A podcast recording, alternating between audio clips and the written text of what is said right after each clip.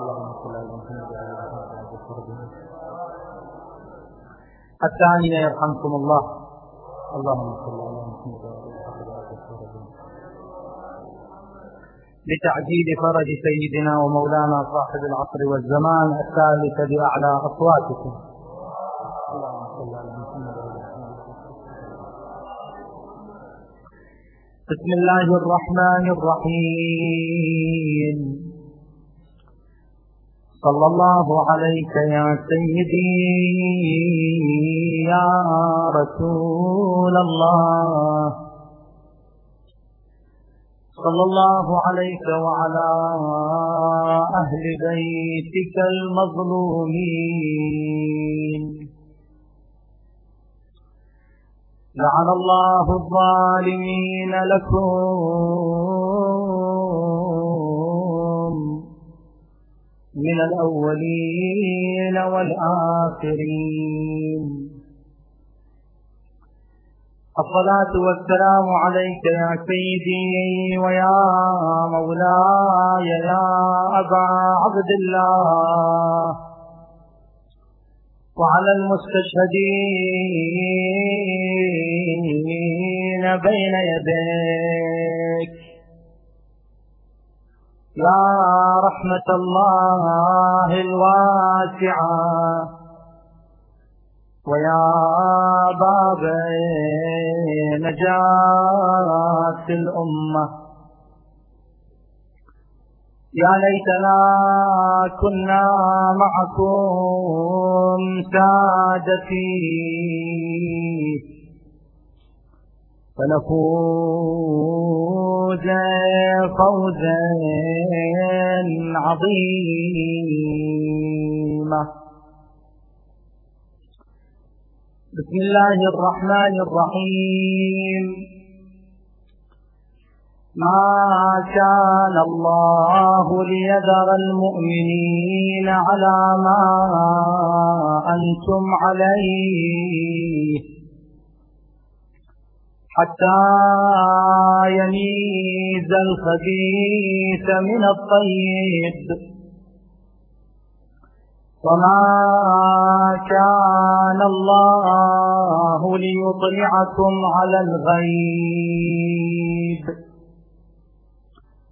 ولكن الله يجتبي من رسله من يشاء. فآمنوا بالله ورسله وإن تؤمنوا وتتقوا فلكم أجر عظيم. منهج الإسلام في الدعوة إلى الحق والحقيقة منهج لا يتقوقع ولا يقف عند أسلوب من أساليب المعرفة فقط. مناهج المعرفة مناهج متعددة. كل هذه المناهج التي ثبت استحقاقها بالدليل كانت اسلوبا للقرآن الكريم في عرض الحقائق. فالقرآن استعمل المنهج العلمي واستعمل الدليل القائم على أساس العقل والمنطق واستعمل أسلوب ومنهج التجربة. كل هذه المناهج استعملها القرآن في سبيل إيصال الحقيقة وفي سبيل هداية الناس. لكن يختلف الإسلام عن غيره ويختلف القرآن عن غيره من النظريات ومن الأطروحات في أنه يعتمد أسلوبا من أساليب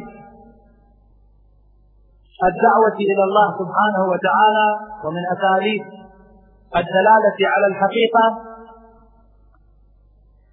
لا تستعمله كل النظريات الأخرى بالأحرى استعمل أسلوبا ينفرد به القرآن وتنفرد به رسالات السماء وهو أسلوب الغيب والاعتماد على الغيب. هذا المعنى لا تجده في النظريات الأخرى في النظريات البشرية. لا تجد أحدا يعتمد على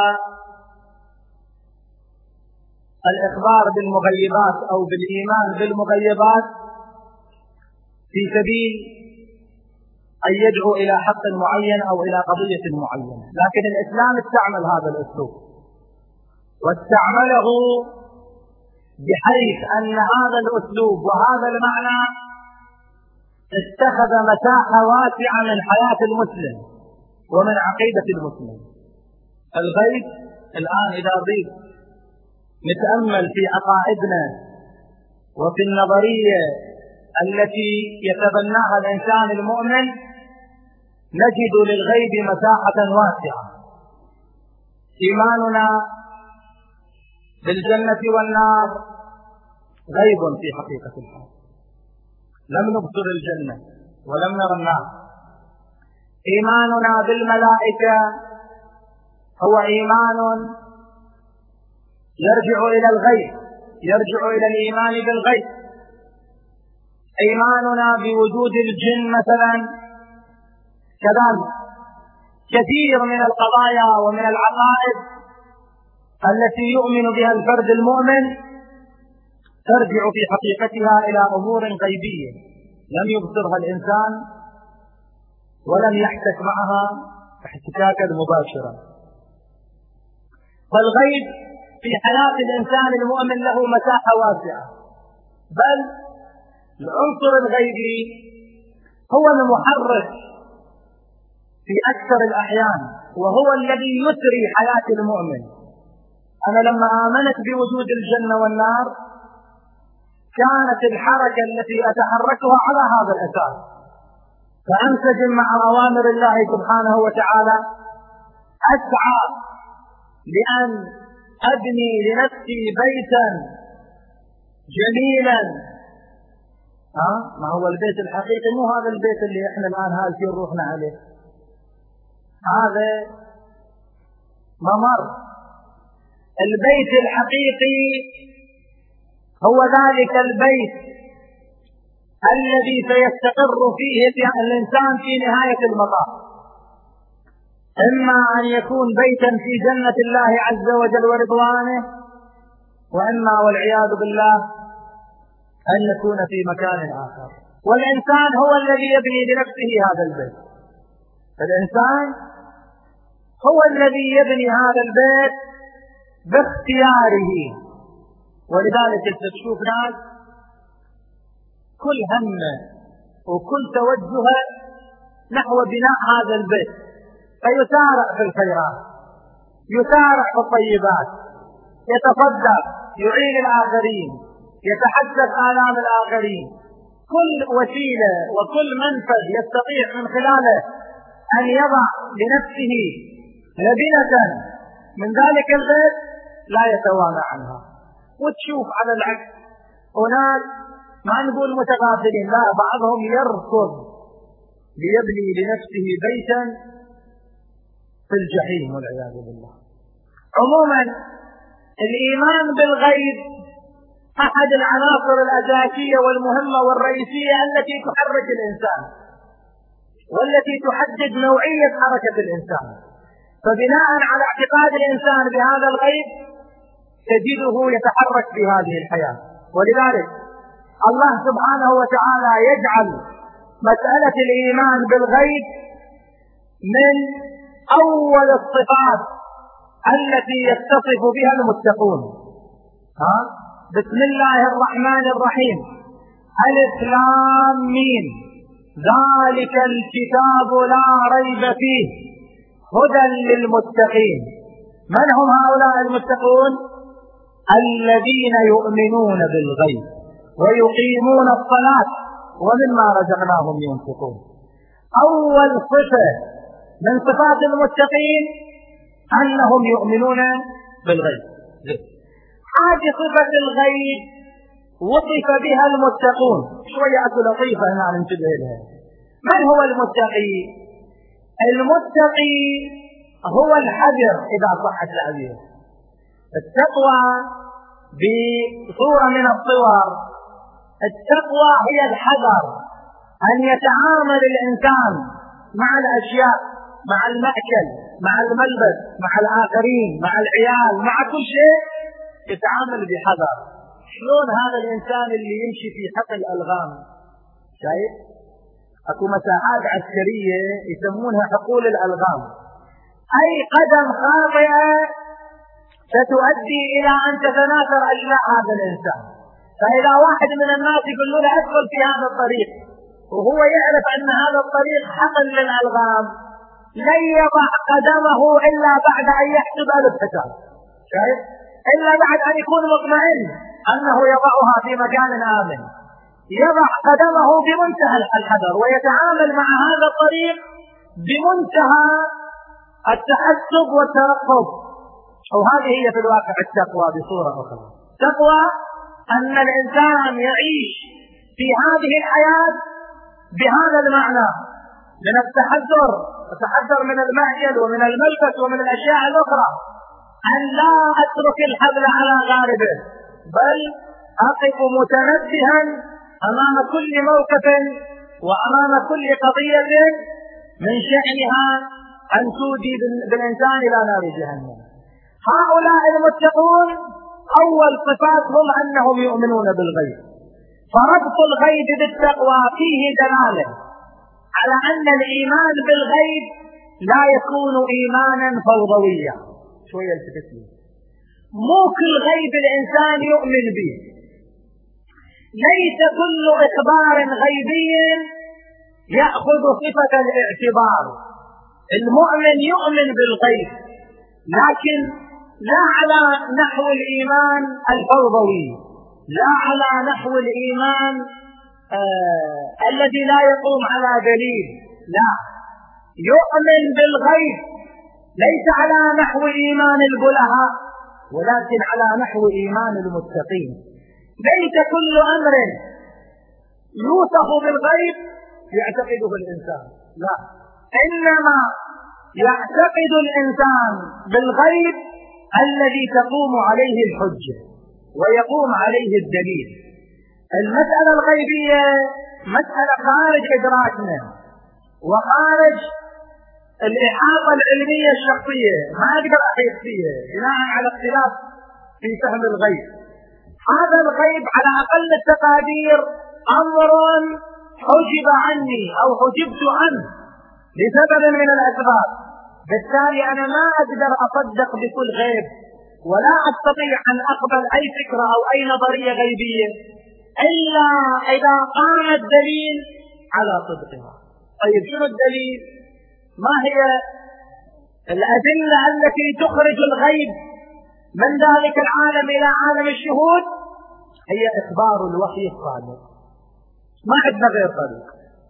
ما في غير طريق. لأن الذي جاء بالغيب هو الوحي واللي يتكلم بالغيب هو الوحي. فلا بد وأن أعتمد على الوحي في أن أصدق بهذا الغيب وأتبنى هذا الغيب. إذا كل مسألة غيبية لا يكون لها رصيد من الإثبات. ما يثبتها كلام النبي ما يثبتها القرآن ما تثبتها الأدلة الشرعية هذه المسألة لا يمكن لي أن أعتقد بها. تبقى في مجال المشكوكات ومجال المظنونات ولا يمكن أن تصل إلى مستوى اليقين. إذا الغيب من الأمور التي طرحها القرآن ومن مناهج المعرفة التي سلكها القرآن. والله سبحانه وتعالى اعتبر أفضل الناس وأتقى الناس وأكثر الناس إيمانا. هم الناس الذين يصدقون بالغيب. الله طرح الغيب طرح بقوة وأراد من الإنسان أن يصدق بهذا الغيب وأن يسلم لهذا الأمر بما في ذلك من المنافع الكثيرة. وكل مسألة ما لها رصيد من الإثبات لا يمكن أن تعد من الأمور المعتبرة. إذا قام الإثبات إذا أثبتت القضية وقامت عليها الأدلة هنا لا يسيغ للإنسان أن يردها. ومن هذه النقطة بالذات أريد أن أقف وقفة مع شخصية عظيمة نعيش هذه الليالي ذكرى وفاة مع شخصية أبي طالب صلوات الله وسلامه عليه. بعض الناس للأسف الشديد تجده متذبذبا في فهمه وفي يقينه واعتقاده حول هذه الشخصية. بعضهم شو يقول؟ يقول أنا لا يختلف عندي الأمر. سواء كان أبو طالب صلوات الله وسلامه عليه مؤمنا أم لم يكن كذلك. الأمر عندي سيان ولا فرق عندي ما بين إيمانه وعدم إيمانه. أنا أتبع أهل البيت أعتقد بإمامة أهل البيت أنسجم مع أوامرهم لكن هذه القضية من نافلة القول. ليست قضية مهمة وليست قضية آه، ذات شأن حتى أنا أحدد موقف. وهذا في واقع الحال فيه ما فيه من الخطورة. عادة تطرح أو يطرح الكلام في حول شخصية أبي طالب في محاولات أو في سبل التي تستعرض الأدلة في بيان إيمان هذه الشخصية. أنا ارتأيت بما أنه البعث عندنا متسلسل. ارتأيت أن أقف وقفة. لا نتجاوز هذا المناسبة وأيضا وقفة في هذا الجانب بالذات. حقيقة هذا القول قول ينم عن عدم المعرفة. الإنسان اللي لا يهتم والأمر عنده واحد سواء كان أبو طالب مؤمن أم غير مؤمن هذا عنده خلل في الرؤية العقائدية. عليه أن يصلح هذا الخلل. ليش؟ لأن أولا اللي يقول هذا الكلام هذا جاي يشكك في إيمان شخص ثبت لنا إيمانه بالدليل. شايف؟ جاي يشكك في شخص وفي إيمان شخص ثبت لنا هذا الإيمان بدليل معتبر صحيح؟ ربما يكون هذا الأمر من أنواع القيد. لم نشهد هذه الواقعة. لكن ثبت لدينا بأدلة معتبرة وبأحاديث كثيرة وبتسالم لاحظ هذه مسألة التسالم جدا مهمة. يعني أفرض الآن ما عندك دليل ما عندك رواية ماكو أي شاهد تأريخي. ولكن التسالم الموجود هنا. اليوم الناس في هذا البلد يؤمنون بإيمان أبي طالب. والناس في أقصى بلاد العالم من أتباع مذهب أهل البيت يؤمنون بإيمان أبي طالب. من أين هذا الإيمان؟ من أين أتوا بهذا الإيمان لا شك أن هذا الإيمان جاء ممن كان قبلهم طيب اللي كانوا قبلهم منين اجوا؟ منين جابوا هذا الإيمان والعقيدة؟ لا شك أن هذه العقيدة أيضا لها جذور وهكذا يرجع الأمر إلى زمن الأئمة صلوات الله وسلامه عليهم أجمعين، يعني أتباع أهل البيت كانوا يتناولون هذا الموضوع في زمن الأئمة، فلو كانت هذه النظرية خاطئة لرفضها الأئمة. لو وصل إلينا هذا ما يعبر عنه بالاستطعاد القهقري، لو وصل إلينا رفض الأئمة صلوات الله وسلامه عليهم لهذه الفكرة. ما وصل لنا هذا الشيء. بل على العكس وصلت لنا روايات وأقوال بما لا يدع في النفس شكا في إيمان شخصية أبي طالب. فاللي يأتي ويشكك في إيمان شخص مؤمن هذا في واقع الحال مخالفة. ولا تقولوا لمن ألقى إليكم السلام لست مؤمنا. هذا مخالفة ما يجوز الشك في إيمان مؤمن. هذا الجانب الأول. ثانيا هذا التأرجح. أنه ما تهتم أنت سواء مؤمن أو غير مؤمن. هذا التأرجح يخالف أهل البيت. ما عندنا إحنا آه، حالة حيادية في صورة وضوح الأمر. الحيادية مرفوضة في الإسلام. إما أن يتضح لك الحق فتتبعه وإما أن لا يتضح فتمسك.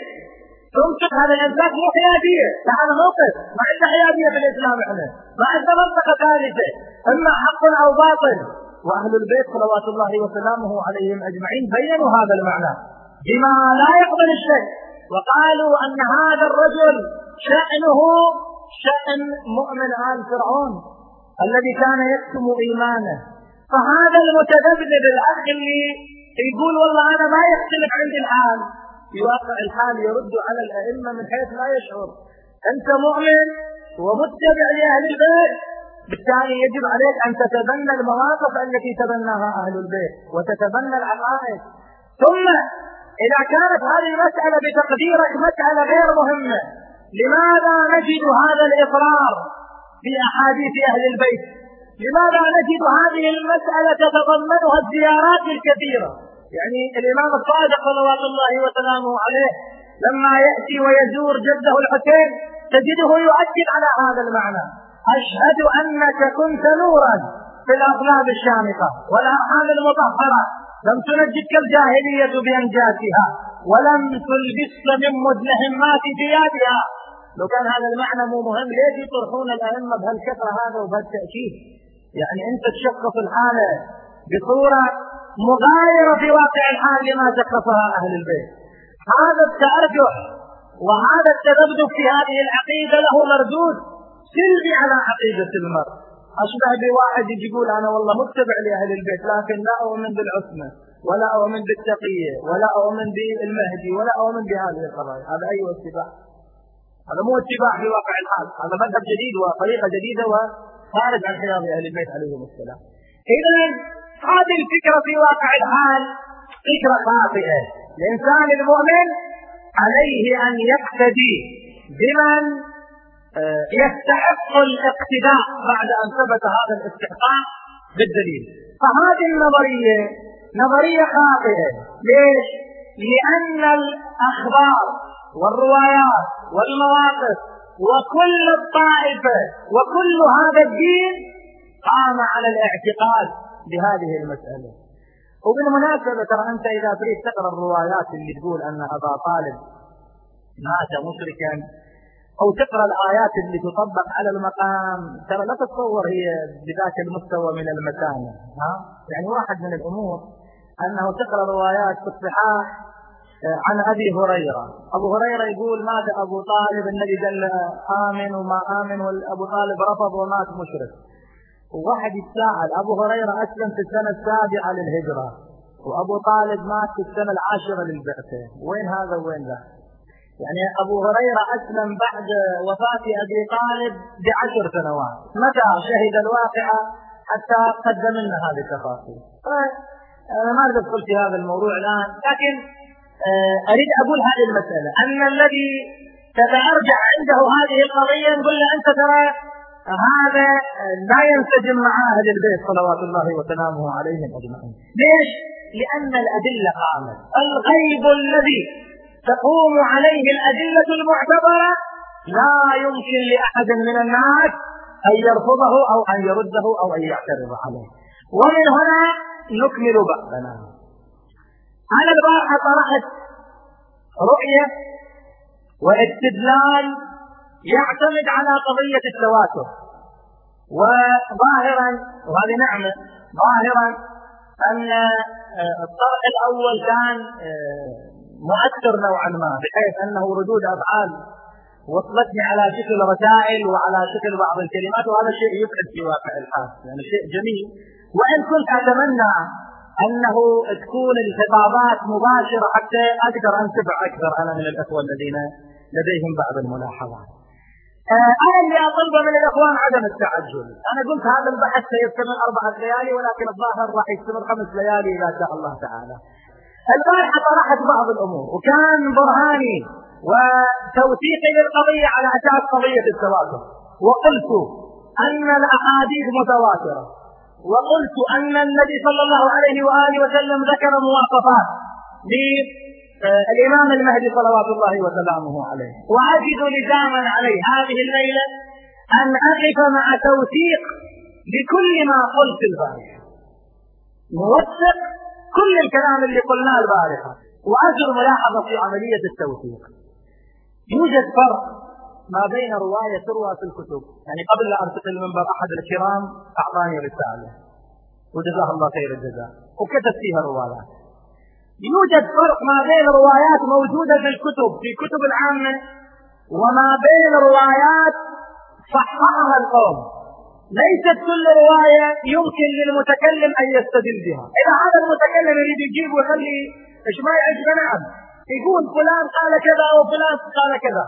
لكن لا بد من التثبت. كما أنه في كتبنا توجد روايات ضعيفة. حينما يستدل بها علينا نقول هذه روايات ضعيفة لا قيمة لها. كذلك إذا نريد نكون منصفين أنه حينما نحاكم الآخرين نحاكمهم بما صح عندهم. هذا الإنصاف.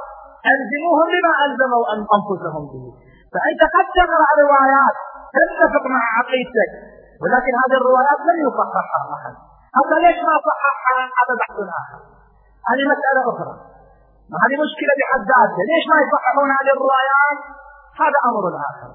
أنا حينما أريد أن أطرح لك التوثيقات لا أطرح لك شيئا ضعفه أحد من العلماء أو ضعفته الطائفة كما يقولون. أطرح لك ما صححه القوم. من جملة الأمور اللي طرحتها البارحة أن الإمام المهدي صلوات الله وسلامه عليه وصفته الروايات. وقلت أن روايات المسلمين بأجمعهم وصفت الإمام المهدي. وبينت أن هذا الوصف كان على نحو الوصف النسبي وصفه من جهة النسب من جهة الانتماء العجائب. والنبي وصف المهدي من جهة الخارجي الهيئة الجسدية ووصفه بمواصفات أخرى.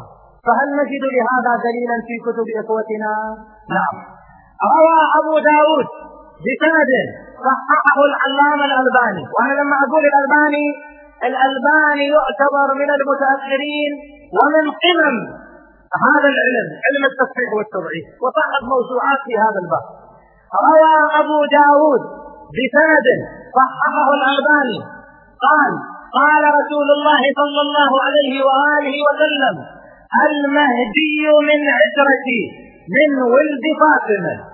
هذا المعنى النسبي إحنا قلنا النبي بين أن نسب الإمام المهدي من أهل البيت ومن فاطمة. فأبو داود يروي هذا الرواية. وروى ابن ماجه بسند حسنه الألباني والحسن من أقسام الصحيح.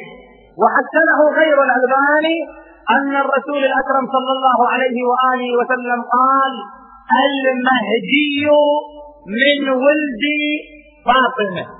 فإذا هذا ما يحدد النسب وانتماء الإمام المهدي صلوات الله وسلامه عليه من جهة النسب. كذلك روى الإمام أحمد في مسنده قال قال رسول الله صلى الله عليه وآله وسلم المهدي منا أهل البيت. فإذا نسب الإمام المهدي صلوات الله وسلامه عليه يرجع إلى فاطمة صلوات الله وسلامه عليها. نعم. أنا قلت البارحة أن أنهم قالوا أن نسب الإمام يرجع إلى الحسين من جملة المواصفات التي ذكرتها أن نسب الإمام يرجع إلى الإمام الحسين. وهذا المعنى فيه روايتان شوي خلي بالك بعض الأفكار وبعض الجهات تتبنى هذه النظرية أن الإمام حسني وليس حسيني. يقولون أن المهدي من ذرية الحسن صلوات الله وسلامه عليه. وطبعا سواء كان من ذرية الحسن أم من ذرية الحسين فهذا لا يقدح في استدلالنا البارحة ذرة واحدة. لأن إحنا كلنا نستدل في أي مقام؟ في مقام أن النبي وصف وفي مقام أن النبي بين هذه الشخصية. حتى بينها من ولد الحسن أو ولد الحسين. المهم عندنا البيان ولكن حتى هذه النسبة لا تصح. أنه من ولد الحسن أيضا لا تصح ليش؟ لأن هذا هذا الموضوع كل رصيده في كتب الحديث رواية واحدة رواها أبو داود. بسند يصل إلى أبي إسحاق عن علي عليه السلام. أثر عن علي عليه السلام آه، يقول عن ولده الحسن إن ابني هذا سيد وأن المهدي يخرج من ولدي هذا. لو أتينا إلى هذا الاثر لوجدنا جملة من المشاكل. هذا الأثر لا يمكن أن يصح لماذا؟ لأن أول كلمة في رواية أبي داود تقدح بهذا الأثر. ماذا يقول أبو داود؟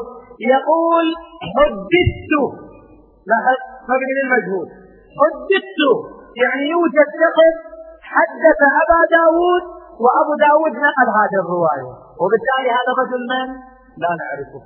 والرواية إذا كان فيها مجهول تسقط عن الحجية فأول مشكلة في هذه الرواية أنها رواية عن مجهول. هذا أولا.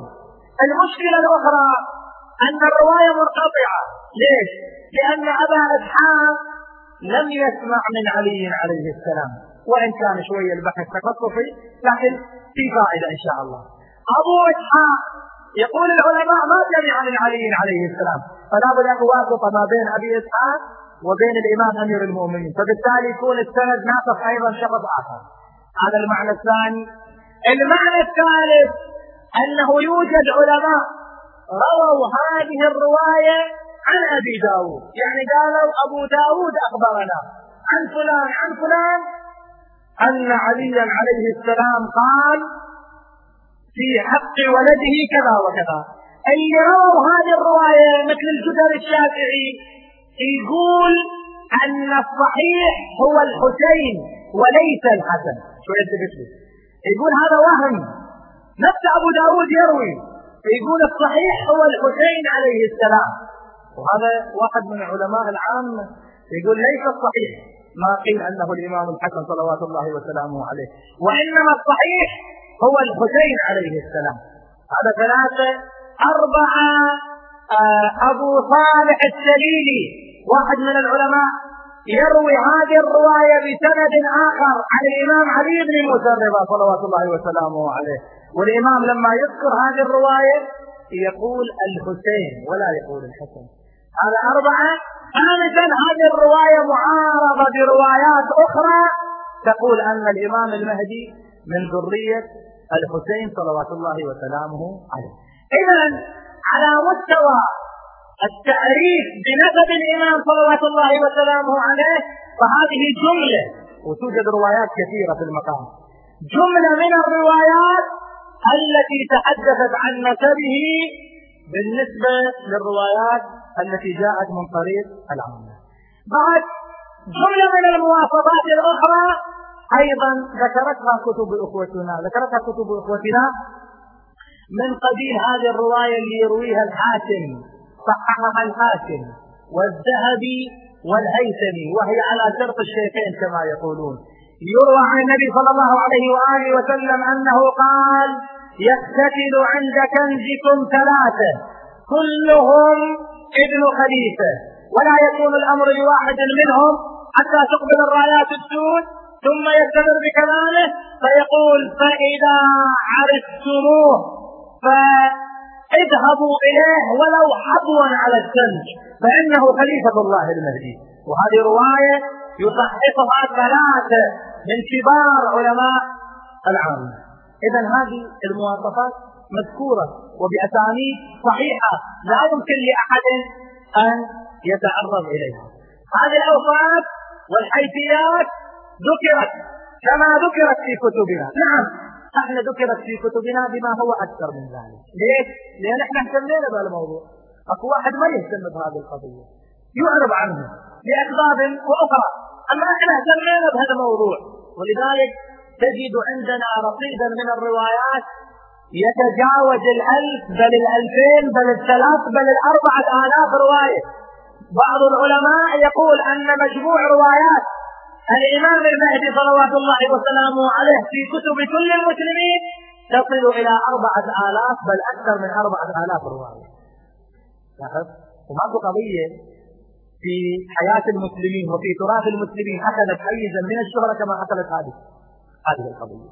المسألة الثانية أننا نقلنا التواتر وقلنا أن نظرية المسلمين عموما في قضية الإمام المهدي أنهم يعتقدون بأنها قضية متواترة وبينت معنى التواتر وهذا المعنى لم ينفرد به الشيعة.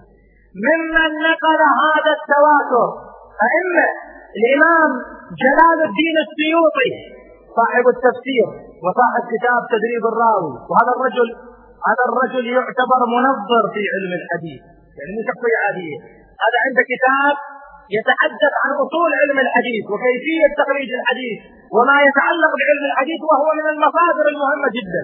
اللي اسمه تدريب الراوي. جلال الدين السيوطي نقل التواتر في قضية الإمام المهدي. قال الروايات الواردة في المهدي قضية وروايات متواترة. ممن نقل التواتر الإمام الشوكاني صاحب التفسير أيضا وصاحب نيل الأوطار ممن نقل التواتر محمد بن جعفر الكتاني صاحب كتاب نظم المتناثر في الحديث المتواتر. هذا كتاب متخصص بالأحاديث المتواترة. نقل أن الأحاديث في الامام المهدي أحاديث متواترة. وكل العلماء مروا على هذا الكلام وما تجرأ أحد أن يرد عليه. ابن حجر العسقلاني أمير مؤمنين الحديث كما يعبرون عنه مر على هذا الكلام ولم يعلق عليه. ابن القيم الجوزية ممن نقل هذا التواتر. الإمام محمد عبده ممن نقل التواتر. التواتر. ومن المتأخرين الشيخ عبد العزيز بن باز. الشيخ عبد العزيز بن باز يقول أن قضية الإمام المهدي قضية متواترة بنص هذه العبارة. لا شبهة ولا شك فيها. وباستطاعتك أن ترجع على الإنترنت امامك تدخل إلى موقع الشيخ وكيف يعني معروف عن المنهج اللي يتبناه أن شوية منهج متجدد لكن مع هذا ما يرفض قضية التواتر ولا يوجد أحد من العلماء يستطيع أن يقف ويرفض هذا التواتر تقريبا عشرة أو أكثر من عشرة من أفداد وكبار علماء العامة نقلوا التواتر في قضية الإمام المهدي صلوات الله وسلامه عليه. طيب شو أكثر من هذا؟ والعلماء الآخرين يمرون على هذا التواتر وما يفكرون فيه. واحد فقط أو قلت لك الباقي. ابن خلدون فقط تجرى وانبرى له علماء العامة. يعني علماء العامة ما بين مواقف مختلفه إما نقلوا روايات الإمام المهدي وصححوها كالإمام أحمد كأبي داود كابن ماجه النسائي البخاري لكن البخاري ما نقلها صراحة. مسلم أيضا ما نقلها صراحة. نقلوا بما يوحي في قضية الإمام المهدي. وشراح البخاري يقولون أن المراد من هذه الروايات هو الإمام المهدي سلام الله تعالى عليه. الإمام الشافعي أئمة المذاهب كل المسلمين حتى وصل قبل كم يوم واحد عند كانت محاضرة يقول أن قضية الإمام المهدي رواها أكثر من أربعين مصدر معتبر من مصادر العامة. لا شو تريد أكثر من هذا؟ ونقل التواتر أكثر من عشرة علماء ومر كثير من العلماء على هذه القضية وما تكلموا عنها بسوء فإما أنهم نقلوا بعض علمائهم نقلوا القضية وصححوها بعضهم ألف كتبا مستقلة في الإمام المهدي. كتاب مستقل في الإمام المهدي. ومو واحد ومو اثنين ومو عشرة. لا ما شاء الله المكتبة الإسلامية عامرة. ترجع. كتاب كامل وبعض الكتب ألفت قبل ولادة الإمام المهدي. هذه أيضا مسألة جدا مهمة. بعض الكتب اللي ألفت عند إخوتنا العامة ألفت قبل سنة 255 ألفت في بداية القرن الثالث. قبل ولادة الإمام المهدي صلوات الله وسلامه عليه. فبعضهم ينقل التواتر وبعضهم ينقل الأحاديث ويكفيك أن ابن تيمية في منهاج السنة في الجزء الرابع في الصفحة 211 يقول أن الروايات الواردة في الإمام المهدي روايات صحيحة. وكذلك تلميذه ابن القيم وكذلك تلميذه ابن كثير الدمشقي أكثر من هذا لا تجد وضوحا لقضية من القضايا. نعم أين الخلاف؟ وين المشكلة؟ المشكلة في المصداق كما أخبرتك البارحة الخلاف في المصداق. كلهم يعتقد بضرورة وجود الإمام. وكلهم يعتقد بأنه لا بد أن يوجد. ومن هنا الليلة شوية تصير القضية واضحة تعرف معنى الضرورة اللي أريد أقول لك إياها. معنى ضرورة أنه لا بد أن يكون موجود. لأنه إن لم يكن موجودا صار هذا رد على رسول الله صلى الله عليه وآله. رد الحديث المتواتر. إن لم يكن الإمام موجودا إن لم يكن الإمام متحققا فهذا فيه رد على رسول الله صلى الله عليه وآله. فلا بد وأن يكون موجودا. هذا معنى اللي أريد أن أبين أن الإمام المهدي ضرورة. الاختلاف في المصداق. الاختلاف غاية الاختلاف في المصداق. نحن نقول أن المصداق هو الإمام الثاني عشر ابن الإمام الحسن العسكري صلوات الله وسلامه عليه وغيرنا يقول أنه سيولد واسمه محمد بن عبد الله وقلت لك الباقي رواية اسم الأب مو صحيحة لكن يتبنى العقيدة على هذا.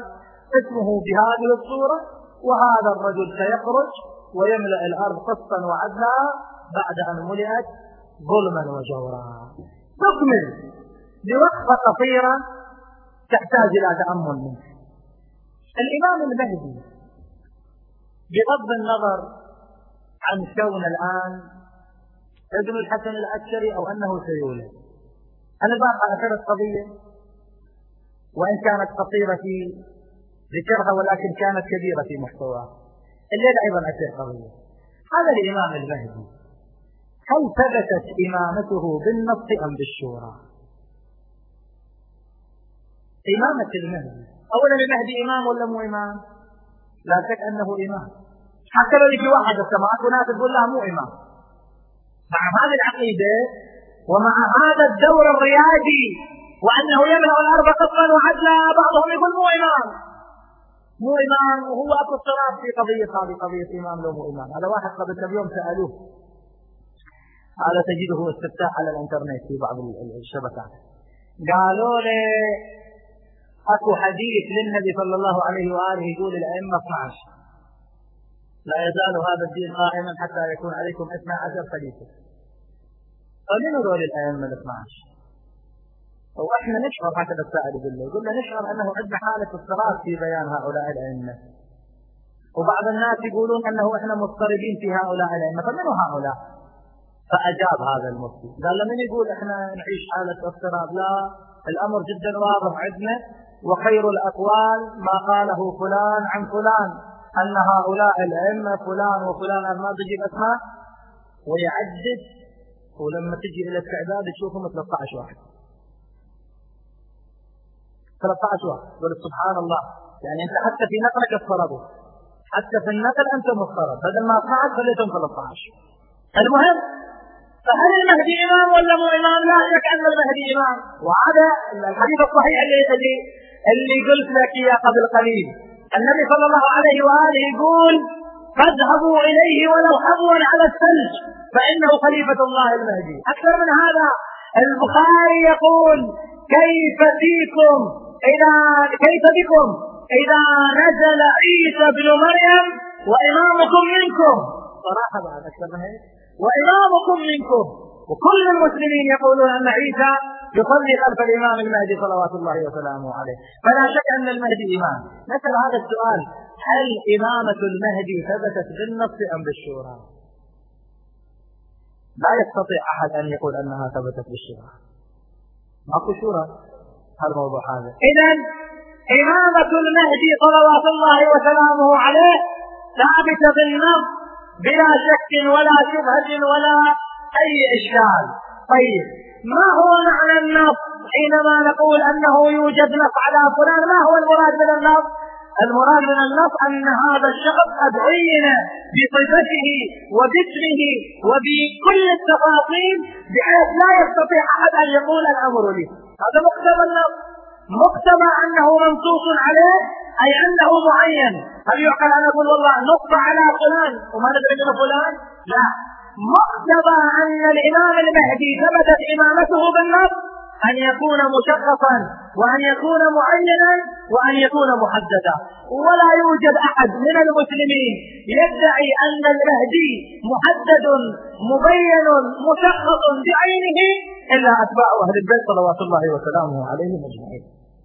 فإذا من هذا المعنى البسيط يستطيع الإنسان أن يعرف أنه يعتمد على عقيدة متماسكة. لا يمكن لأحد أن يضربها ولا يمكن لأحد أن يتجاوز عنها. فالمهدي صلوات الله وسلامه عليه ثابتة إمامته ثابتة بالنص طيب هذا هم يجرنا إلى موضوع آخر. إذا كانت إمامة المهدي بالنص ليش مو إمامة القبل بالنص؟ شنو المعنى يعني؟ ما هو المرجح؟ وإذا كانت إمامة آخر الأئمة كانت بالنص ما الذي يمنع أن تكون إمامة أول الأئمة ثابتة بالنص؟ كما نقول وكما نؤمن ونعتقد بذلك. ومن هنا نعرف أن هذا الأمر حلقات متصلة وأن الإنسان مأمور أن يقتدي بهذا الإمام الذي نص الله سبحانه وتعالى عليه من طريق النبي صلى الله عليه وآله كما هو مأمور باتباع الأئمة السابقين الذين نص الله سبحانه وتعالى عليهم. ولذلك ما يسع المؤمن أن يتأثر عن صوت داعي الله سبحانه وتعالى. في أي حال من الأحوال كان ما يمده أن يتقهقر وأن يتراجع. ومن هنا نجد أصحاب الحسين صلوات الله وسلامه عليهم كانوا أسرع الناس مبادرة إلى نصرة سيد الشهداء. ها؟ واحد من أصحاب الحسين من أهل البصرة. سعيد ابن مرة التميمي. هذا شاب. وصلته رسالة الحسين عليه السلام في صبيحة عرسه في صبيحة العرس وصله الخبر أن الحسين عليه السلام توجه إلى جهة كربلاء وأنه يدعو الناس إلى نصرته وإلى نصرة الحق. إذن هذا حديث عهد بزواج والأم في البيت والزوجة في البيت موقف صعب. وهو لا يريد أن يخسر الجنة فنادى أمه علي بلامة حربي أريد لامة الحرب. قالت عجيب بني أنت حديث عهد بعرس. البارحة عرفت اليوم صباح العرس. إلى أين؟ قال أماه لقد ضاق صدري وأريد أن أخرج إلى هذه البساتين لأروح عن نفسي. قالت بني بالله عليك أصدقني. ليس الأمر كما تقول. أنت البارحة عرست البارحة تزوجت. متى ضاق صدرك ولدي؟ قال أماه إني أخشى أن أقول لك ماذا أريد. أخاف. أخاف تمانعين أخاف تعترضين. قالت بني أخبرني. قال أماه إن أردت الخبر فاعلمي أني ماض لنصرة الحسين صلوات الله وسلامه عليه. فلقد وصل الخبر بأنه توجه إلى العراق وأني أريد أن أذهب لأقاتل دون ابن فاطمة الزهراء. هنا الأم واقع الحال ملأها الفخر لكن أحبت أن تقدم للولد هدية بهذه المناسبة. قالت بني أما حملتك في بطني تسعة أشهر؟ قال بلى أمه. قالت بني أوما أرضعتك من ثديي؟ قال بلى قالت بني أوما سهرت عليك الليالي؟ الأم تعدد هالأفضال وهالفني والولد منقبض يخاف يخاف أن الأم تمنعه بسبب هذه المواقف. قال بلى أمه قالت بني إذا وصلت إلى الحسين. أنا ما أقول لك لا تروح لكن إذا وصلت إلى الحسين فأبلغه عني السلام وقل له أن أمي تريد شفاعة أمك يوم القيامة. قال أما والله لأنعمنك عينه. وأخذ لامة الحرب وتوجه إلى كربلاء. يقول بعد أن هذا الشاب وصل في يوم عاشوراء بعد أن تفانى أصحاب الحسين وليس مع الحسين أحد. على البعد سمع صوت الحسين ينادي ألا من ناصر ينصرنا؟ ألا من مبيت يبيتنا عندها نادى هذا الولد من على البعد. قال لبيك سيدي لبيك. قال من هذا؟ قال أنا خادمكم سعيد بن مرة التميمي أقبلت إليك من البصرة. قال يا سعيد اذهب وقاتل دون بنات الزهراء دون بنات فاطمة. وفعلا توجه سعيد إلى ساحة القتال لكن الإمام الحسين استوقفه. قال يا سعيد لحظات قس قس وقف سعيد قال لبيك سيدي. قال سعيد بماذا أوصتك أمك شنو وصتك أمك لا تنسى وصية الأم قال سيدي أمي تقرئك السلام. وتريد شفاعة أمك يوم القيامة. قال سعيد أمك مع أمي في الجنة. هذه الأم اللي ترسل بولدها في صريحة الزواج تستحق أن تكون جارة لفاطمة الزهراء سلام الله تعالى عليها. أمك مع أمي في الجنة اذهب وقاتل دون بنات الزهراء. وفعلا لحظات وإذا بسعيد يعانق الحور العين ويتمدد على رمضاء كربلاء قضايا يا يا يا وحج عليهم دون الخيام الخيام يا يا يا يا ولا خلوا خوات حسين يا ولا خلوا خوات حسين يا يا يا يا ترضى إلهي نسألك وندعوك باسمك العظيم الأعظم الأعز الأجل الأكرم بحرمة محمد وآل محمد. اللهم اجعل هذا البلد بلدا آمنا. وارزق أهله من الثمرات. وجنبهم كل سوء. إخوتي الحاضرين اللهم احفظهم فردا فردا. اقضي حوائجهم. شافي مرضاهم. وإلى أمواتهم وأمواتنا وموتى المؤمنين جميعا لا سيما موت المؤسسين والباذلين والقائمين على هذه الخدمة. رحم الله من أهدى ثواب الفاتحة. تسبقها الصلاة على محمد وآل محمد.